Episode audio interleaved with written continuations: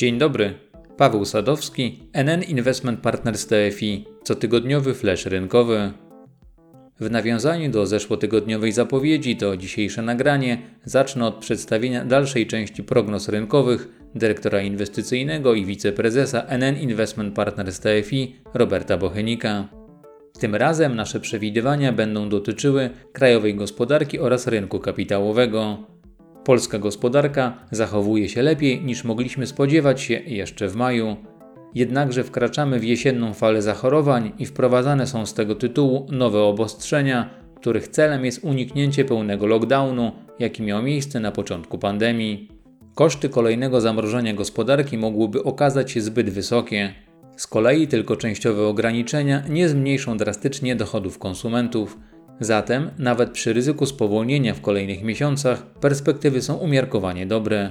Polskie przedsiębiorstwa mocno uszczupliły swoje zapasy surowców, półproduktów i wszelkich dóbr.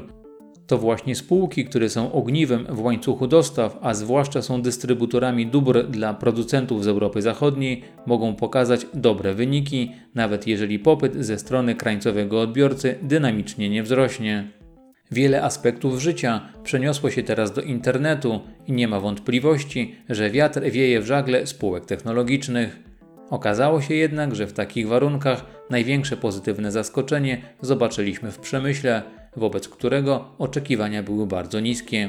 W kolejnych miesiącach, kiedy zapasy będą odbudowywane, część spółek przemysłowych i surowcowych może pokazać poprawę wyników. Jeśli chodzi o polską giełdę, to wyceniana jest obecnie historycznie nisko w porównaniu z obligacjami. Jednocześnie GPW jest poza radarem największych globalnych inwestorów, przez co niewiele spółek wycenianych jest z wysoką premią. W tym kontekście warto wspomnieć o krajowej branży energetycznej, która stoi u progu reformy mającej wydzielić aktywa węglowe z bilansów spółek z tego sektora. NN Investment Partners jako globalny inwestor ma mandat od swoich klientów, żeby szukać inwestycji w spółki, których biznes jest odpowiedzialny, zrównoważony i długoterminowy, zgodny z analizą ESG oraz zgodny z kierunkiem, w którym chce podążać Europa i prawie cały świat. Globalne fundusze, reprezentujące różne grupy inwestorów, dysponują ogromnymi środkami, gotowymi do zainwestowania właśnie zgodnie z tymi założeniami. Faktem jest, że cały system energetyczny w Polsce musi zostać odbudowany i przygotowany na przyszłość, choćby ze względu na wymogi unijne. Być może da się przedstawić taką politykę energetyczną, która spełni choć w części oczekiwania każdej z tych grup inwestorów. To przyciągnęłoby ogromny długoterminowy kapitał potrzebny do realizacji tej polityki. Taki scenariusz byłby zapewne odzwierciedlony w pozytywnym zachowaniu wycen spółek z tego sektora. Na koniec, zmieniając klasę aktywów na obligacje skarbowe, to chciałbym wspomnieć o naszych rokowaniach w odniesieniu do zachowania funduszy dłużnych. Zacznę od tego, co miało wpływ na dobry wynik tych produktów w okresie ostatnich 12 miesięcy. Cytując słowa Tomka Rabendy, który jest starszym zarządzającym do spraw instrumentów dłużnych w NN Investment Partners TFI, to w przypadku funduszy polskich obligacji skarbowych wysokie stopy zwrotu wynikają wprost ze spadku rentowności, czyli wzrostu cen skarbówek, który z kolei był bezpośrednią konsekwencją trzykrotnego obniżenia stóp procentowych przez Rada Polityki Pieniężnej w tym roku. Dobre zachowanie naszych obligacji wpisało się w ogólnoświatowy trend, Główne banki centralne obniżały stopy procentowe i uruchamiały programy monetarnego pobudzania gospodarki, żeby złagodzić negatywne skutki epidemii COVID-19. Dopiero ostatnio w niektórych krajach naszego regionu, np. Węgrzech i Turcji, zaczęto podnosić stopy procentowe, żeby powstrzymać osłabienie lokalnych walut. Przy okazji to wspomniane zaostrzenie polityki monetarnej stworzyło ciekawe okazje inwestycyjne. Jeżeli chodzi o wyniki produktów dłużnych w kolejnych miesiącach, to scenariusz odwzorowania poziomu historycznych stóp zwrotu w przyszłości jest bardzo mało prawdopodobny. Dlaczego? Za dużą część tegorocznych wyników funduszy obligacji skarbowych odpowiada spadek rentowności, dopiero w następnej kolejności pozycje pozabenchmarkowe, czyli takie, które nie mają bezpośredniego związku z zachowaniem krajowego długu, a wynikają z umiejętności i aktywności zarządzającego funduszem.